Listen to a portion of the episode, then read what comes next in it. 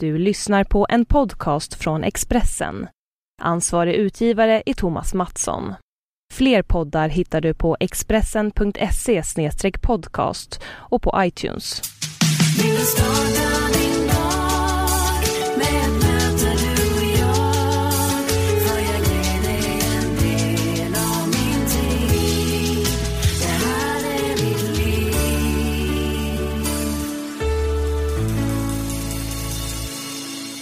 Hallå där och hjärtligt välkommen tillbaka till en ny timma med mig, Anna Hegerstrand, här i Livshjulet. Vi är inne på avsnitt 64 nu och som vanligt har jag med mig en gäst som ska få ventilera sitt livshjul och sätta betyg från 1 till 10 på de åtta tårtbitarna som ingår.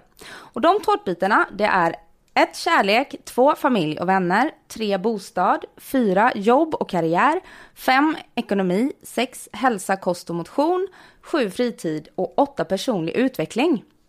Och mig når du som vanligt på livshjulet.hegerstrand.se eller om du kikar in på min blogg på expressen.se Anna Hegerstrand.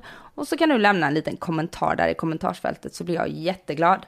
Och gilla gärna Livshjulet på Facebook så missar du garanterat inte när jag släpper ett nytt avsnitt. Och jag puffar också alltid för mina nya avsnitt på Instagram där jag heter Hegerstrand. Idag står jag här i poddstudion tillsammans med en artist som har varit med länge i leken. Livshjulet eh, vi ska snacka om idag tillhör nämligen Anneli Redé. Välkommen hit Anneli! Tack så hemskt mycket! Hur mår du? Idag mår jag jättebra. Ja. Mm, det är sommar och sol och värme och... Ja, hur varmt är det ute egentligen? 30 plus. Ja, mm. jätteskönt. Mm. Du, är, du eh, sa till mig att du är en av dem som älskar när det är så här varmt. Du har inga problem med det? Inte längre. Jag hade det förr av någon anledning. Men nu har jag börjat vänja mig. Man gör väl det med åren. Och eh, välkomnar verkligen den här värmen. Och framförallt när man bor så fint som jag gör i Stockholm så är det ju härligt med sommar och varmt. För mm. att eh, Stockholm är ju den ultimata sommarstaden. Du kan ju bada överallt. Du kan ligga och sola överallt. Så har jag balkong som vetter mot Riddarfjärden. Så det är så otroligt fint mm. för mig. Ja. ja, jag tycker också, jag är gärna hemma i Stockholm på somrarna och åker iväg sen när det blir höst eller vinter. Exakt så. Um, det, det, är verkligen den ultimata staden. Mm. Vi ska åka ut till Fjäderholmarna här oh, nästa vecka. Det är härligt. Det är ja. jättefint där ute. Har du semester eller jobbar du? Jag jobbar, jag gör ju alltid det på sommaren. Men jag jobbar inte ihjäl mig så att jag är ju hemma mellan varven och så åker jag ut främst helger då och sjunger på stadsfestivaler och allsångskvällar och allt sånt. Mm. Som hör sommaren till när det gäller mitt jobb. Ja, mm. det är då du har som mest att göra. Ja, ja. Precis. Och kring jul Just brukar det, det vara. Just det. Mm. Och vi är här idag för att prata om ditt livshjul. Ja, herregud. Jag har hunnit gå några varv där nu, ja. känner jag. Det snurrar och snurrar. Ja, det snurrar för fullt, verkligen. Mm, men reflekterar du över det och tänker på att hålla det i balans? Eh, jag har reflekterat över det. Eh, det här sista halvåret har det hänt något. Och jag tror faktiskt att det är så här att jag är glad, jag mår bra och allt det här, men jag är nog faktiskt inne i min absolut första ålderskris någonsin.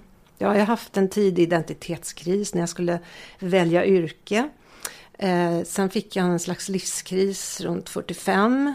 Men det handlar inte om ålder, men nu gör det det. Och där gäller det, som du sa här, att hitta en balans. Hur man värdigt går vidare utan att behöva ge upp allt som jag har gjort tidigare.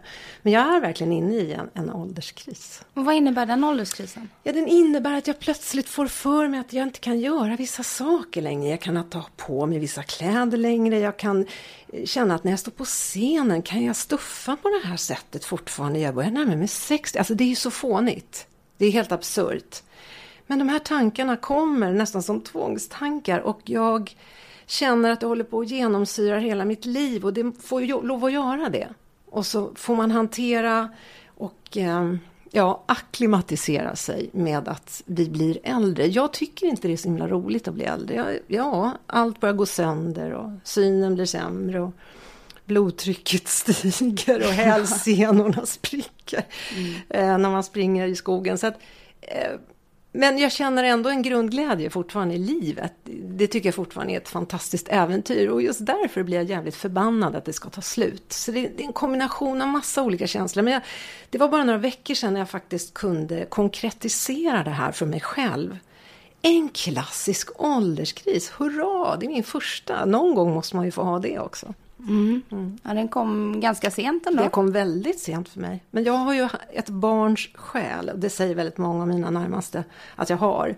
Så jag har lekt väldigt mycket i livet och nu plötsligt så känns det som att nej, nu ska jag nog sluta leka. Och så samtidigt, i, varför ska jag göra det? Alltså du förstår, det är Ja. väldigt eh, omtumlande. Sen är det ju en väldig åldersfixering i vårt samhälle. Om det. Och jag är också ett offer där. eh, Alltså, du jobbar ju i den branschen. Dessutom. Mm. Okej, vi ska prata lite mer om det sen. Jag förstår det. Det blev en tung ingång här. Nej. Nej då. Men, Nej. men vi ska prata mer om alla tårtbitarna i Ja, ditt liv ja. och kommer säkert komma in lite mer på både ålder och andra saker. Ja. Men eh, innan vi gör det ska jag dra igenom en faktaruta på dig. Så Mm. att du får, eh, så att våra lyssnare får svart på vitt vem du är. Okej. Du heter Anneli Maria Rydé Mm. och du är 57 år gammal, Ja. född 17 oktober 1956. Stämmer.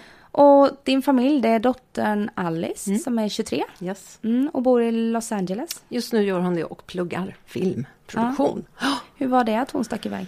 Nej, men det var ju lite ledsamt. Hon har ju stuckit iväg några gånger tidigare så jag hade hunnit vänja mig lite vid att hon försvann. Hon var ett halvår i London och jobbade och hon var fem månader i Grekland och jobbade efter hon hade tagit studenten. Men, men det här blev så mycket längre tid och ännu längre bort än vad det någonsin har varit förut. Så att, lite sorgligt samtidigt härligt att hon vågar och våra barn, vi har dem till låns. De ska flyga och fara vart de vill och vi har ju sån god kontakt ändå. Vi skypar ju nästan varje dag och hörs varje dag. Så att, tycker det har gått väldigt bra. Så har vi setts några gånger också. Vi möttes halvvägs i New York Ah. i februari och sen så var hon faktiskt här hemma och hälsade på i maj, juni.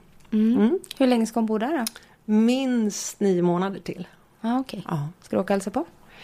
Vi möts nog halvvägs i New York igen. Jag är inte så lockad av Los Angeles och jag älskar New York så jag kan tycka att ska jag ändå resa så långt så, kan vi mötas där och hon älskar också New York så att jag tror att det får bli så igen. Du bor i alla fall eh, på Södermalm i Stockholm Ja. med utsikt över Riddarfjärden. Skryt, skryt. Ja, gud vad härligt. Och du är sångerska och just nu aktuell som konferencier på Pride. Ja.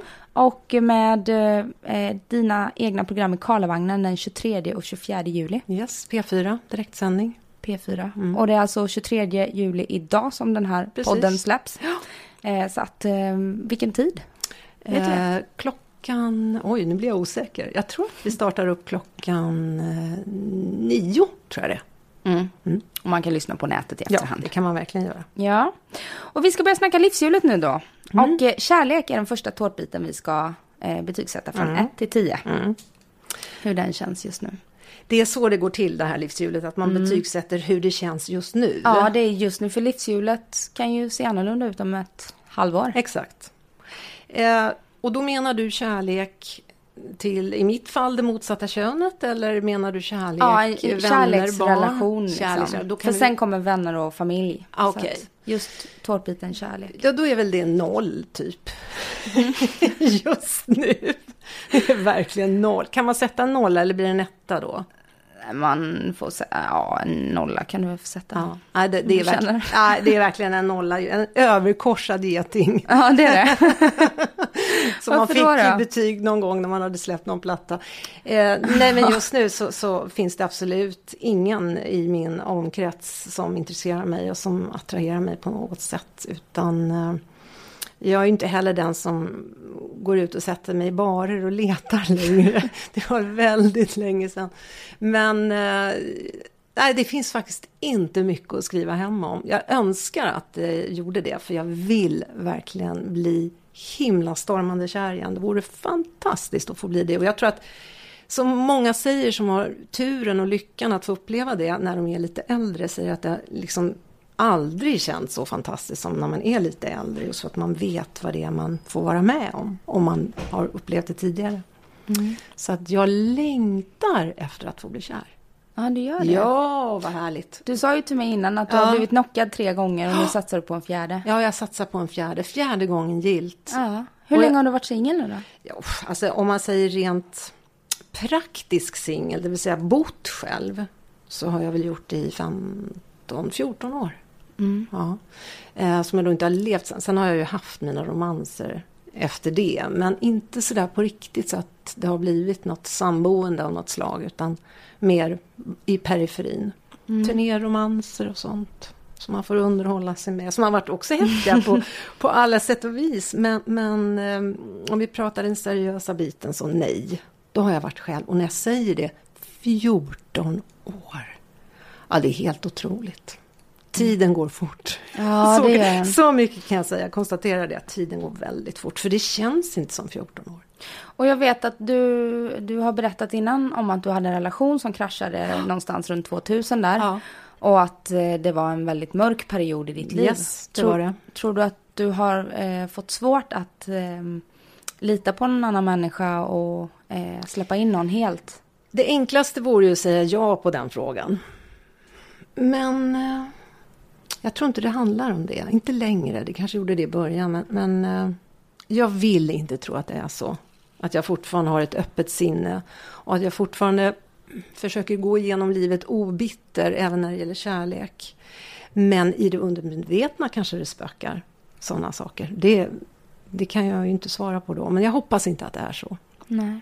Men du gick i terapi för att bearbeta den separationen? Ja, separationen i sig var ju någonting som utlöste en massa andra saker jag hade i ryggsäcken som alla vi människor har. Och i och med att den kraschen då utlöste allt det här andra obearbetade hos mig så gick jag i terapi och det är det bästa jag har gjort. Jag gick i fem år. Mm. Fantastiskt. Och så slutade jag snusa för tre månader sedan. Jag fejksnusar bara nu. Det finns... Ja, jag tänkte säga, jaha? ja, du ser en liten snusdosa mm. här på mm. bordet. Den åkte upp fort. Ja, den åkte upp fort. Och det är bara ett substitut. Det är fejk. Det finns absolut inget nikotin i det här eh, snuset, eh, som då inte är ett snus. Men eh, när man lägger av med nikotin efter 42 års missbruk så händer det saker kan jag säga. Och jag var nästan på väg tillbaka i terapi för att jag slutade snusa. Men lyckades parera det på egen hand. Så att, det var de fem åren i början på 2000-talet som faktiskt eh, räddade mig. Det är lite dramatiskt att säga så, men hjälpte mig igenom de här långa mörka tunnlarna. Mm. Och jag kom ut på andra sidan mycket, mycket helare och gladare som person. Och om du skulle träffa någon, vad är det för egenskaper du letar efter då? Um, vad är viktigt för dig? Han ska vara snäll. När jag säger så, så ja, det brukar... känns ganska basic. ja, men jag har inte valt så snälla män tidigare kan jag säga. De har väl varit snälla på ett sätt men på annat sätt inte. Och nu är det det enda som är viktigt för mig, det är att han är snäll. Och då är det många som raljerar över det och tycker att, ja men köp en hund då. Men vad är att vara snäll då? Ja, det är att vara ärlig, rak, trofast. Mm. Det är att vara snäll. Mm. Inte att så skämma bort med presenter? Nej, och... nej, nej, nej, nej, nej, nej, nej, utan verkligen, och som kan eh, hålla om på riktigt. Ja. Även när det blåser hårt. Mm. Det är snällhet för mig. Ja. Men det, och har du funderat på, jag då, eh, som var väldigt mycket emot nätdating. Jag träffade min kille på nätet. Åh, oh, härligt, ja, är det sant? Jag har fortfarande så svårt att säga det själv, Nej. för att det känns inte så romantiskt. Jo, men det är tydligen så nu att det är mm. romantiskt att träffa sin mm. kära på nätet.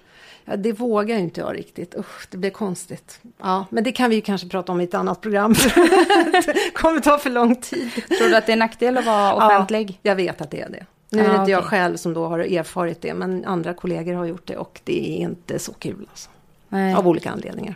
Ja, okay. Så jag håller mig ifrån det. Men du berättade att du hade träffat din eh, kille på, på nätet. Mm.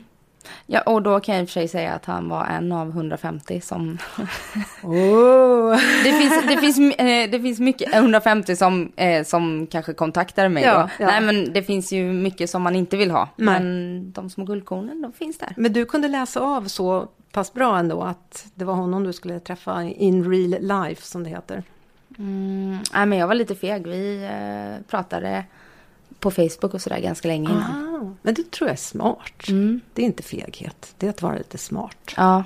Faktiskt. Absolut. Jag mm. har ju också andra vänner som har råkat ut för skräckexempel. Så mm. att jag, ja, ja, nej. jag var emot. Jag gav det en månad och, ja. och det bar frukt så att säga. Vad härligt. Åh, vad härligt. Är avundsjuk. Ja. Inte bitter, avundsjuk. Det kan man få bli ibland mellan varven. Lite avundsjuk. Ja, absolut. Mm.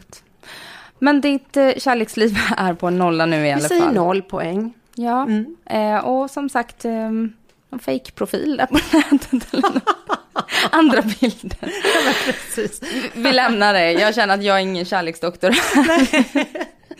Familj och vänner är den andra tårtbiten vi ska Ja, eh, sätta betyg på. men då blir ju det en eh, tia måste jag säga. Är det ett till tio vi pratar om? Ja. Ja, förlåt att jag frågar igen.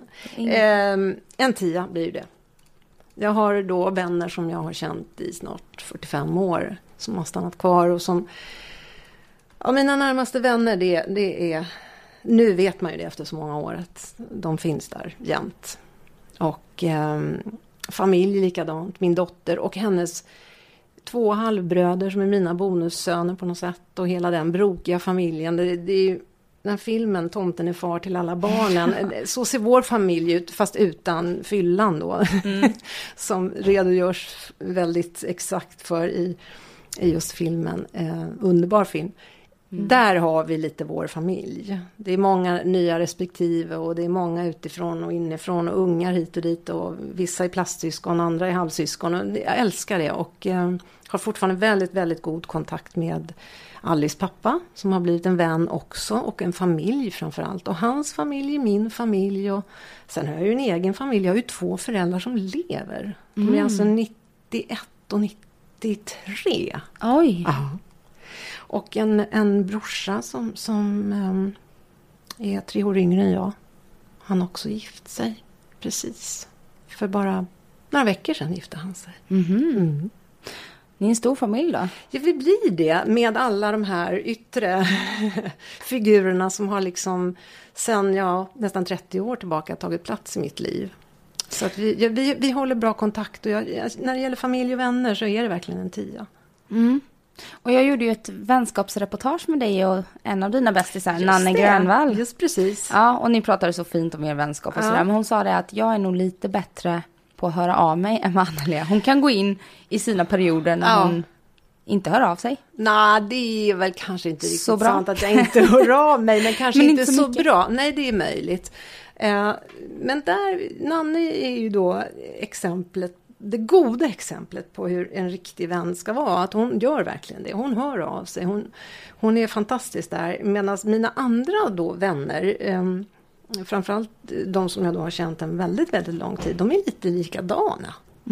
Så att vi har en underförstådd eh, överenskommelse att vi behöver inte höra av oss hela tiden. Och skulle man ringa mitt i natten och gråta i luren så eh, finns ju den personen där direkt. Det är inget snack. Så jag tycker nog att det är Nanne som är lite undantaget ifrån regeln. I alla fall som min vänskapskrets ser ut.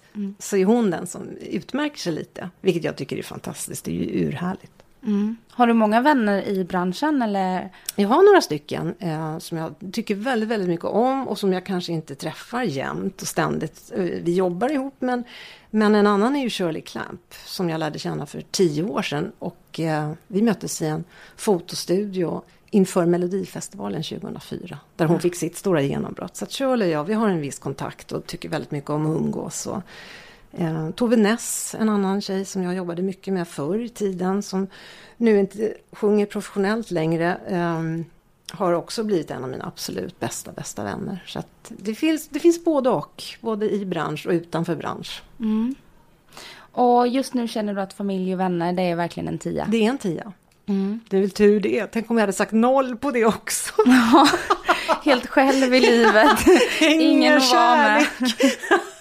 Ja, men det är bra, man ser ju lite att Ja. vänner och familj kompenserar Ja, för, oh ja. för en kärleksrelation. Men det utesluter ju inte en kärleksrelation om man säger så. Så att det, det är verkligen välkommet där Nej. också. Och bara för man får in en kärleksrelation behöver ju inte betyget på familj och vänner sjunka. Exakt. För att även om man inte kanske har lika mycket tid Nej. så, så värderar man ju det annorlunda. Klokt sagt. Och bostad, det är Ja. den tredje. Jag vill höra om din... eh, Ja, då är det en tia där också. Ja. Det är det verkligen. Jag bor på Bastugatan i Stockholm och när jag flyttade in i den lägenheten då kändes det som att nu, nu har jag verkligen kommit hem. På riktigt. Jag är ju en stadstjej. Jag växte ju upp på Lidingö ute på landet. Bland buskar och träd och eh, flyttade hemifrån vid 20. Först Göteborg sju år, sen kom jag tillbaka till Stockholm 83. Och då kände jag när jag fick bo inne i stan att det är precis det jag vill göra. Och så är det fortfarande. Jag vill inte bo utanför någon tull. Utan jag vill verkligen vara mitt inne i smeten. Men just där jag bor är det så häftigt för att det är verkligen vatten och gröna träd och fåglar av alla de slag. Och eh, två minuter nerför trapporna så är du på Hornsgatan och Mariatorget. Så att du har både och väldigt nära. Mm. Och så har jag en balkong som äntligen fick sättas upp efter massa överklaganden och så. Ja, okej, så ja. den har vi haft nu, eller den har jag haft i två år. Och där sitter man och mår väldigt bra. Så den är pytteliten men det gör inget. Man Mm. plats. Och hur, hur stor bor du? Jag har en ganska stor trea på nästan 100 kvadrat. Alice flyttade ju ut så att det rummet står lite oanvänt. Jag vet inte vad jag ska göra riktigt men det löser sig. Ja. Världens Det är min dröm. största. jag har nästan det i mitt stora, stora sovrum. Så att tyvärr, nej. Jag, det, det får stå där så länge. Det, jag har ingen panik eller brådska med någonting. Men det känns ju som att jag aldrig kan flytta därifrån. Det, det är verkligen ett hem på Mm. Är du huslig och gillar inredning? Ja, jag har blivit. Jag blev det när jag flyttade in här 2006. För jag totalrenoverade den här lägenheten från golv till tak. Och det var något helt nytt för mig och ett sånt äventyr. Och där plötsligt väcktes det intresset. Så jag är jätteintresserad av det. Men jag är väl rätt minimalistisk i min smak. Så jag försöker att renodla. Eh, inte så mycket prylar. Men eh, och det känns som Bastugatan, det är ju de här jättegamla husen. Nej, jag bor i ett hus, eller det är ju egentligen gammalt, det är byggt 2930, så det är ett Mm. av de första, första funkishusen i Stockholm. Ja, okej. Innan Gärdet och det började byggas så byggde de här. Och, eh, så det är inte jättegammalt, men det är ändå så pass gammalt så att man känner att det har en historia. Och en tia på bostad. Yes. Mm. Och jobb och karriär, det är den fjärde tårtbiten. Jobb och karriär, vad ska vi sätta där? Men det blir väl en femma, tror jag. Mittemellan. Om jag ska vara riktigt ärlig. Ja. Och det beror mest på att nu då när jag är inne i min ålderskris. som jag lite raljerar med som att det vore något otroligt fantastiskt häftigt att få vara med om. Och det kanske det är också, det vet jag inte. Visar sig sen. Känner att du lever? Ja, jag känner, jag känner att jag lever. Så, så har jag börjat ifrågasätta mycket i, just i mitt jobb också. För just i min bransch, eh, det, blir, det är tufft alltså att växa upp höll jag på att säga, men att bli äldre, det är det. Jag vet inte, jag, som kvinna, jag vill inte sätta eh, något genusperspektiv på det faktiskt. Jag tror att det är samma sak för männen också. Att det, och framförallt eftersom jag började som rocksångerska i grunden. Och det är ju egentligen det jag fortfarande vill jobba med. Sjunga rock, bara. Det är inte en chans att försörja sig som rocksångerska i Sverige idag om man är över 35. Det är svårt. Eh, Men jag blandar och ger och trivs med allt jag gör. Jag skulle ju aldrig tacka ja till någonting som jag absolut inte ville göra. Så att, men det, jag, det är en femma för att jag står och stampar lite. Vart ska jag ta vägen? Jag är lite överrumplad av att shit, jag håller på att bli äldre. Jag måste ta en ny väg här nu. Och vart går den och hur ska det se ut? Och det är inget som jag känner löser sig självklart utan jag måste våga nu ta ett nytt steg. Och jag har bytt produktions och skivbolag. Det gjorde jag i våras. Det känns jättebra. Jag trivdes väldigt bra på mitt gamla men, men det var ett steg i någon ny riktning. Så får vi se var jag landar någonstans. Ehm, men det är inte sådär så att hurra vad jag har hittat rätt i min karriär just nu. Det där kommer och går hela tiden. Så har det ju varit från det jag började. 78 började jag jobba med det här. Ehm, så har man då perioder när man känner att du är helt rätt i fas med ditt arbete. Och sen kommer de här lite vilsnare perioderna. Vart ska jag göra nu och hur och varför och så vidare. Och lite där är jag. Kanske för sista gången eftersom jag faktiskt Ja, börjar närma mig pensionsålder. Inte för att jag tror att jag kommer att pensionera mig på något sätt, men, men lite så är det. Så det är lite sådär ovisst och osäkert. Men det är fortfarande musiken som du vill ha som huvudsyssla? Ja, ja, ja. Och det, där kan jag säga att själva sjungeriet är viktigare än någonsin. Alltså sången i sig är viktigare än tidigare. Då var det hela paketet jag på något sätt ville förmedla. Och eh, det var väl lite viktigare då också eh, när man stod på scenen hur jag tog mig ut och att jag försökte befästa någonting eller få en bekräftelse för att jag stod Idag är det själva sången som är det absolut viktiga. Det ger mig en oerhörd känsla av tillfredsställelse att få sjunga. Sjunga, sjunga rakt ut. Och eh, får jag inte göra det på ett tag så får jag abstinens. Jag blir på sämre humör och känner att det är något som fattas. Att så, och den har ju funnits där sedan jag var mm, bebis har jag ju sjungit. Så det är inte så konstigt. Så att sången, och där precis som du säger så är det där jag vill verkligen fokusera. Och din väninna då, Shirley Clamp, hon mm. gästade mig här i Livshjulet för ah. Eh, ja, några månader sedan. Okej. Okay. Och då sa hon att hon vill ju absolut göra sin egen krogshow. Ja. och då tänk, tänker jag nu när du står och pratar, ja. Eh, du har ju din trogna publik sedan 1978. Ja. Eh, du har dina hits och mm. du har allting. Hur känner du inför att göra en sån grej? Eh, fast det har jag ju redan gjort. Alltså jag lovar dig, du skulle kunna uh -oh. fråga mig vad som helst. Det gör ingenting, det gör ingenting. Det är bara roligt att få berätta någonting som är nytt för dig, uh eller hur? Så det är bara härligt. Jag tror jag skulle kunna säga check, check, check på varje grej som du frågar mig. Har du gjort? Ja. Har du gjort? Ja. Um, och det är lite därför jag står och vinglar nu i livet, för att jag känner att men jag har ju gjort allt, vad ska jag göra nu?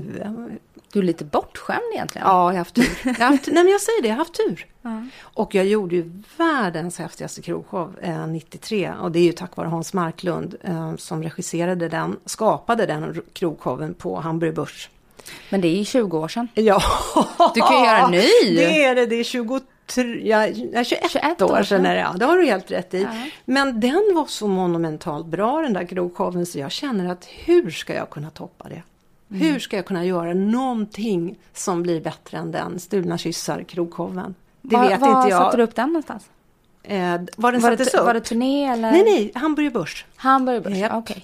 Hans mm. Marklund jobbar ju som artistchef där på den tiden och satt upp massvis av shower. Men han säger faktiskt själv att det här är en av hans absolut bästa skapelser. Och den var helt fantastisk att få vara med i. Så att jag vet inte sjutton. När jag känner krogshow, jättekul, kom med en idé. Se mm. vad vi kan göra.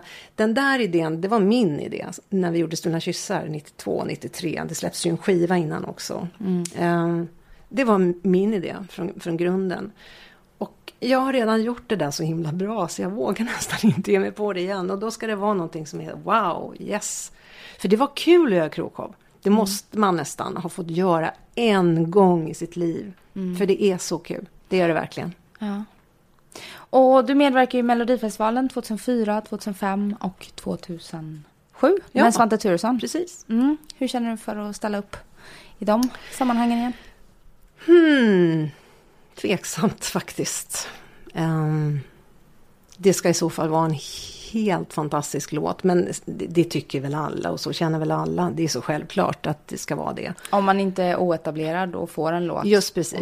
ja. Eh, annars är jag nog lite rädd för att ställa mig där igen nu. Det ska vara ett speciellt sammanhang i så fall. Kanske att jag jobbar med några andra i tävlingen. Att man är flera stycken. Eh, det är inget som jag känner, ja vad jag vill det. Och det är likadant där. Jag fick göra det tre gånger, var med i den här helt absurda cirkusen som det ändå är. Melodifestivalen är ju på låtsas, det är ju ingen riktig värld. Som bara blir mer och mer cirkus för varje ja, år känns det som. det känns så. Men eh, jag är så glad att jag fick vara med där. Det var verkligen otroligt kul. Och nästan roligaste gången var när jag var med Svante. Mm. Och fick luta mig lite mot hans breda skuldra och känna att det var helt onervöst. Och bara på, på lek. Mm. Det var riktigt, riktigt roligt faktiskt. Ingen press alls. Uh, sen på den tiden i alla fall, för det här är ju snart tio år sedan, då var festerna väldigt roliga efteråt, efterfesterna. Så ibland känner man att ja, men jag är nog med här mest för att vara med på efterfesten. Uh, så att, nej, det var, det var ett äventyr det med. Men det, nej, jag känner ingen större dragning alls till den tävlingen igen. Det räckte med de tre gångerna. Mm. Vi får väl hoppas att du lyckas fundera ut lite mer vilken väg du ska gå nu. Mm. Men det löser sig. Jag är inte speciellt orolig. Jag bara konstaterar att nu är det så här. Och jag har känt så här förut. Men nu är det lite... Eh, vad ska man säga? Det krävs nog lite mer av mig nu den här gången. Just för att det är mycket som, måste ställ, som ställs på sin spets. Just i och med att jag har blivit äldre. Mm, det är samma. Det är ju så. Ja. Att Precis. du känner dig förvirrad dig med åldersnöjen? Förvirrad. Eller att du inte vet riktigt åt vilket håll Nej, exakt. Förvirrad vet jag inte om jag kan säga att jag är. Men, men undrande då. Ja. Uh, försöka icke dramatisera alla ord så mycket. Jag är en mästare på det. Uh, men, men, men visst. Uh, det är så. Det är just nu lite sådär. Mm. Fem poäng på det. Yes. Och den femte tårtbiten det är ekonomi. Vad ligger jag där då? Jag är inte en tia, då ska man ju vara ekonomiskt oberoende. Men säg att jag ligger på en sexa, sjua. Du har jobbat som frilans Ja. hela ditt liv. ja, jag har försörjt mig på riktigt från och med februari 1980. Då tog det bandet som jag sjöng i på den tiden, Extra hette vi. Mm. Vi tog ut vår första lön efter en spelning i februari 1980. Oj, Jag- då hade ni spelat ihop i flera år. Ja, vi hade spelat ihop i två år. Sen 78. Och eh, vi jobbar ju extra i pressbyråer och i hamnen jobbar killarna och, för att få det att gå ihop. För att vi tjänade inga pengar på vår musik förrän just efter två år. Men, eh, och det var jag som skötte ekonomin i bandet. Så jag hade ju full koll. Och sen den dagen, peppar ta i trä här nu, så, så har jag kunnat försörja mig på det här. Så det är ja, 34 år. Mm. Och är pengar viktigt för dig? De är viktiga på det sättet att jag eh, kan köpa mig frihet och tid med pengar.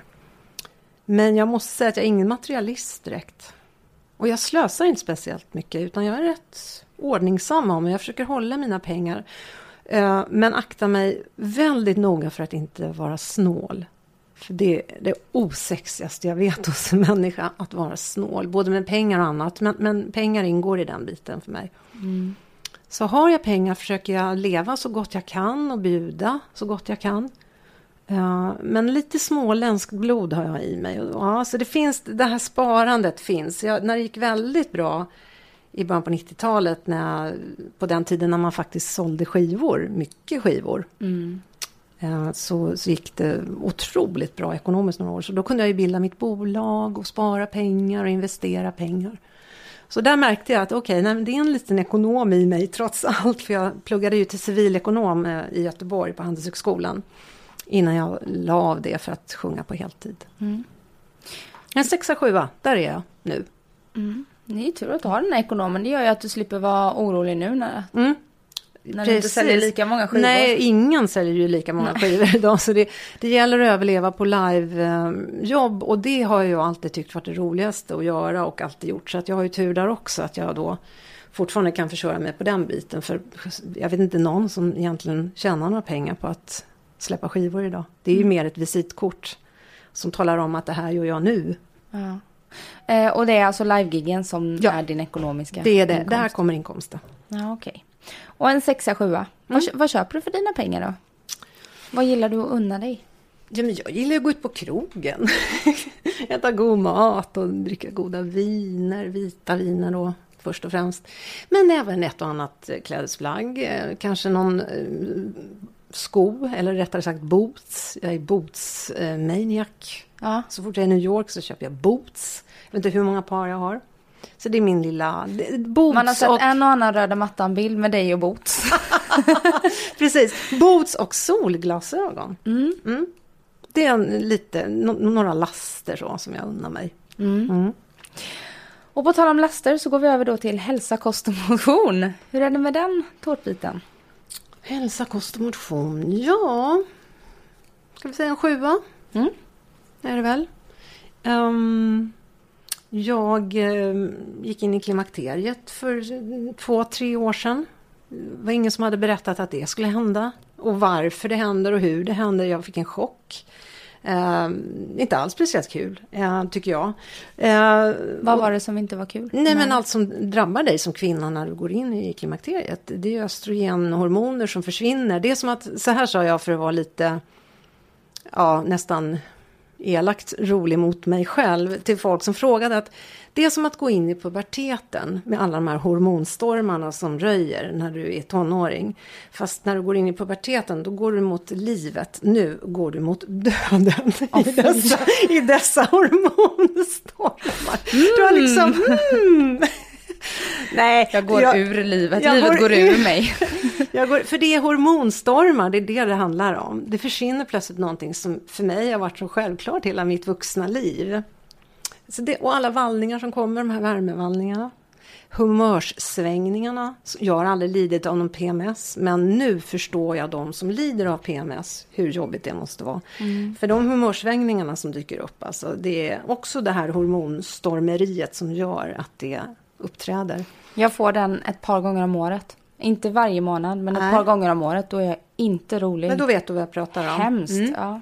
Men med klimakteriet så har du det hela tiden. Alltså det kan gå några dagar och så kommer en dipp. Och så går det några dagar och så kommer en dipp. Och ibland kan det gå en hel vecka och du har dippen hela veckan. Så man är deppig liksom? Ja, eller förbannad? Det där är jätteindividuellt. Och när man pratar med, med kvinnor i min ålder och äldre eh, och även lite yngre som redan har fått det så är det väldigt individuellt. Jag märker det. Väldigt olika hur det ser ut. Och, men väldigt få är helt oberörda och går igenom det utan att märka någonting. Utan jag lovar, det märks. Och där kände jag mig otroligt störd av det här.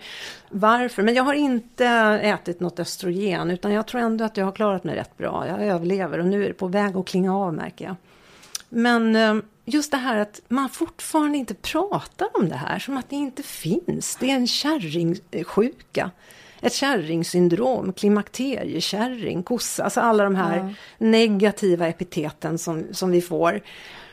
Uh, och just det här att jag kunde känna att ingen har pratat med mig om det här alltså från den tidigare generationen. Jag hade ingen aning om vad som hände när det hände. Så jag fick prata med mina vänner som tack och lov precis nästan samtidigt gick in i det också. Men det är en jättegrej att man plötsligt kapar ett väldigt viktigt hormon i kroppen. Det händer ju massa saker. Mm. Precis som när det tillförs när du då går in i puberteten. Så händer det massa saker även nu. Um, så det, det, har stört mig men det, det, är på väg att klinga av och man vänjer sig och allt det här. Sen så, uh, jag vet inte om det har med klimakteriet att göra eller inte. Men uh, plötsligt från att ha haft otroligt lågt blodtryck har jag fått högt blodtryck som jag har börjat medicinera för. Och bara det är jättekonstigt. Eh, nu är det inte sådär farligt högt på något sätt utan eh, försöker stävja det nu och bara liksom hitta eh, en balans. Men det är också sån här åldersgrej, en krämpa helt plötsligt. Mm. Jag har haft tur även där, jag har varit så frisk hela livet. Alltså vansinnig tur och så kommer den ena krämpan efter den andra och nu kan jag snart inte köra bil längre. För det är jättesuddigt på långt håll. Ja men du hör. Uh. Så att jag, jag är väl inne i den här passagen innan man kommer ut på andra sidan och förstår att nej men nu är det så här och det är lugnt, det är ingen fara. Nej. Har du fått lägga om din livsstil med kost och träning och sånt där? Nej men, jag, nej men jag har ju alltid ätit bra och tränat jättebra. Alltså jag har ju skött mig. Jag motionerar mycket mycket. Mm. så det spelar ju tydligen ingen roll. Det är klart det hade kanske blivit ännu värre om jag eh, inte hade skött mig och inte hade tränat. Mm. Men jag slutade ju till och med snusa. Och bara en sån sak. Efter var det för blodtrycket? Ja, det var det. Men det hände inte speciellt mycket av det. Det kanske till och med steg ännu mer för att kroppen gick in i någon slags chock. Mm. Av att eh, liksom inte få sitt nikotin. För nikotinet är ju lika det är lika beroendeframkallande som heroin, säger mm. läkarna. Alltså det är så starkt nikotinet i, i sin egenskap som gift, alltså narkotikum. Mm. Eh, Lade du av direkt eller trappade nej, jag trappade ner? ner i tre, fyra veckor och det var bra gjort. Och sen det här fejksnuset har ju hjälpt jättemycket. Så att jag, jag är fri från nikotinet nu, det är jag.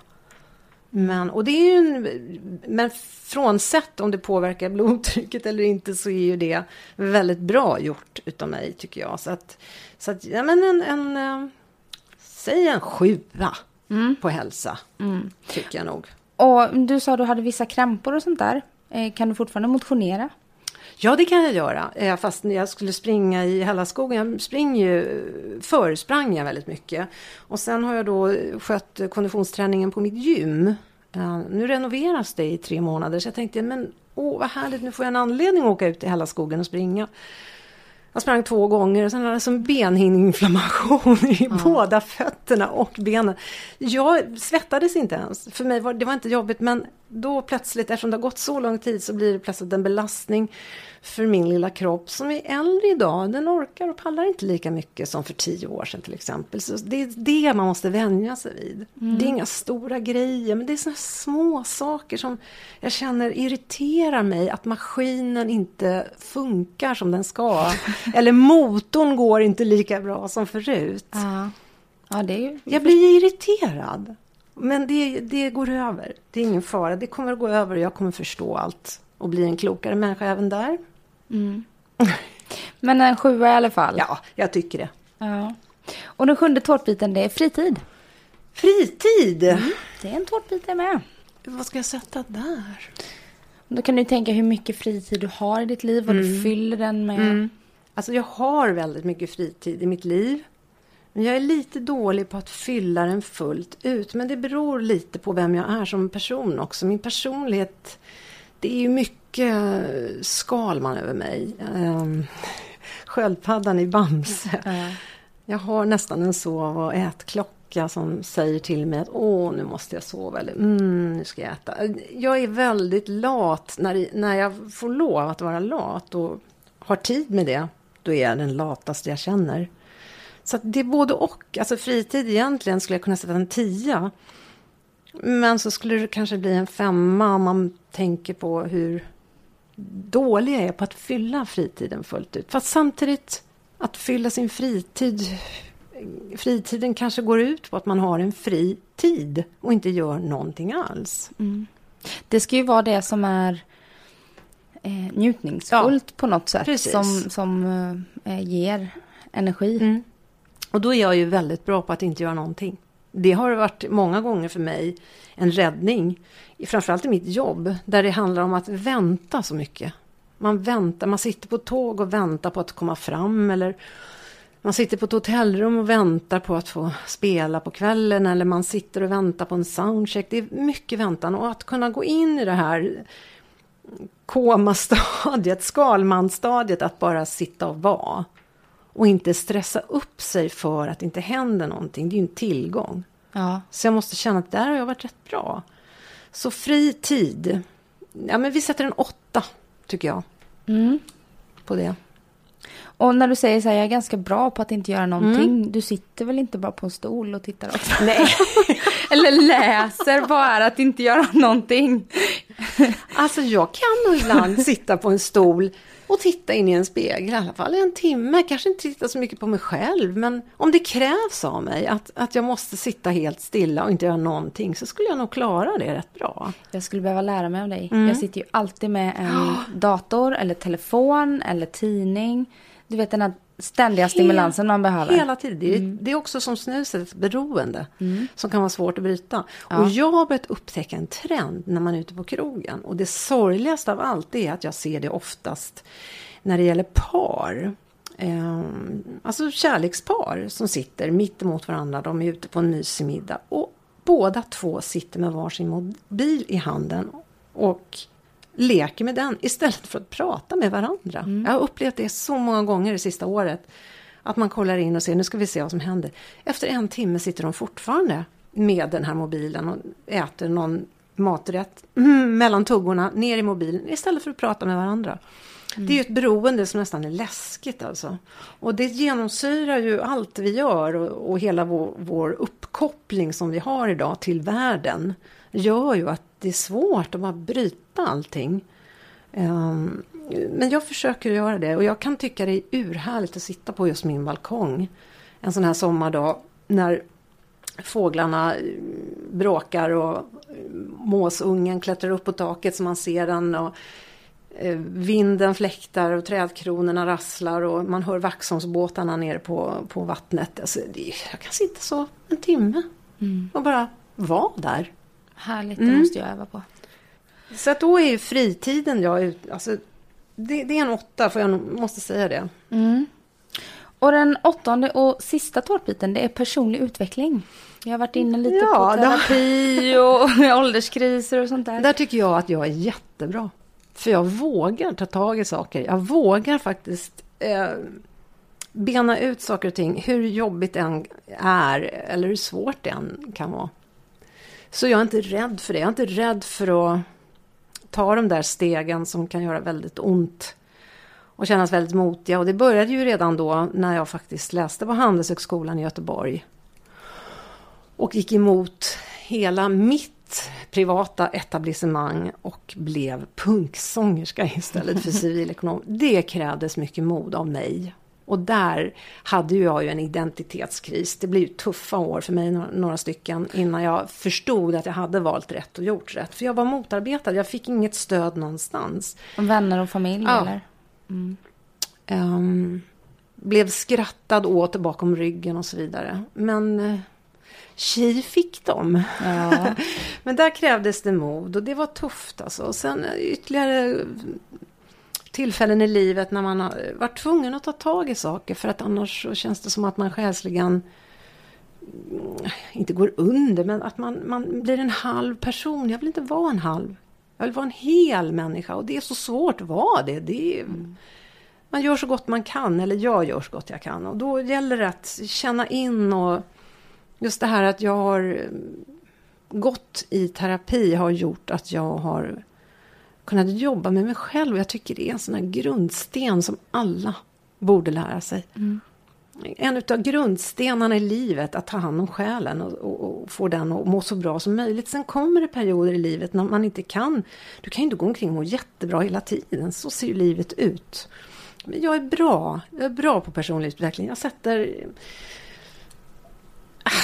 Jag sätter en tia, Bra där. gör jag. Ja, blir jag imponerad av. Ja, tack. nej, men jag kan säga det så här dags i livet att en tia, nej men jag vågar också prata om det, jag vågar visa, jag vågar. Och det, bara det gör ju att livet blir ärligare. För dig själv och för din omgivning, framförallt dina närmaste. Ja, och just det som du sa, att vara en hel människa. Det är ganska svårt att vara hel och en ehm, unik människa. För man tittar så mycket på andra och man tar in... Eh, Oh ja. eh, man, ja, man, man lyssnar på andra och, och jämför sig. Det har ju varit ett av mina stora problem, att jag har jämfört mig med andra hela tiden. Och man kommer alltid vara sämre än någon, för man kan inte vara bäst på allt. Men du kan ändå jobba på att försöka bli en så hel människa som möjligt och sluta tänka så. Sen att det aldrig kanske riktigt kommer dit, det gör ingenting. Men att du ändå liksom försöker. Att man försöker, att man strävar mot ett mål och att försöka hålla den linjen och sen spricker det ju här och där. Vi är ju inte mer än människor. Eller hur? Men jag tycker att ett, tecken på att man är trygg i sig själv och det är att man vågar blotta sina Ja. svagheter. Och det uppskattar jag jättemycket att du har gjort här idag. Ja, det har jag faktiskt gjort. Ja. Jag är förvånad själv. Eller det är jag faktiskt inte.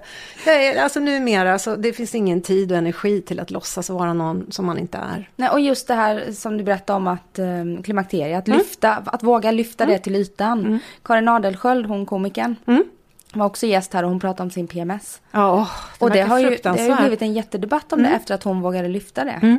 Så att eh, just, och även ålderskriser. Ja. Eh, det, det är ju det är tabu. Ja, varför får vi inte prata om det? Det är väl inte så farligt? Prata om det så blir det inte så farligt.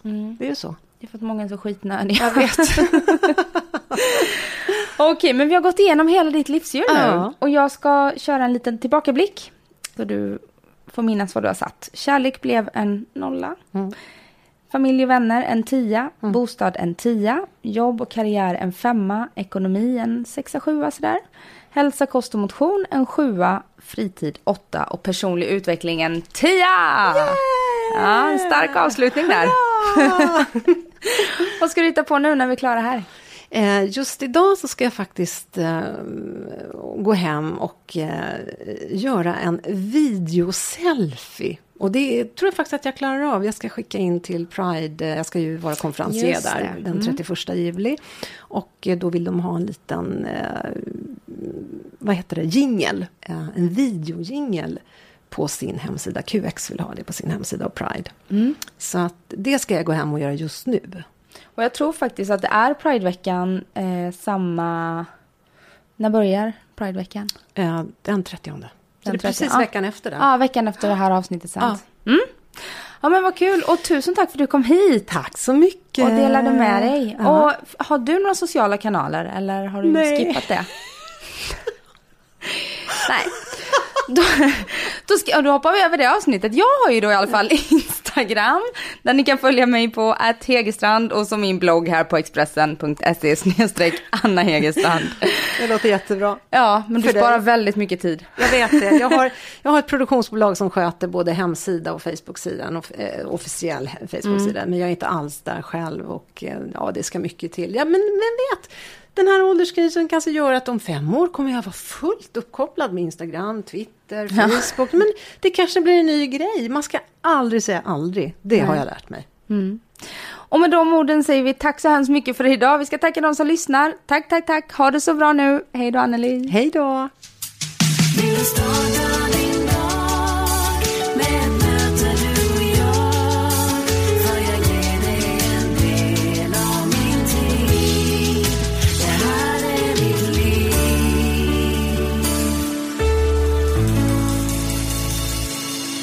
Du har lyssnat på en podcast från Expressen. Ansvarig utgivare är Thomas Mattsson. Fler poddar hittar du på expressen.se podcast och på iTunes.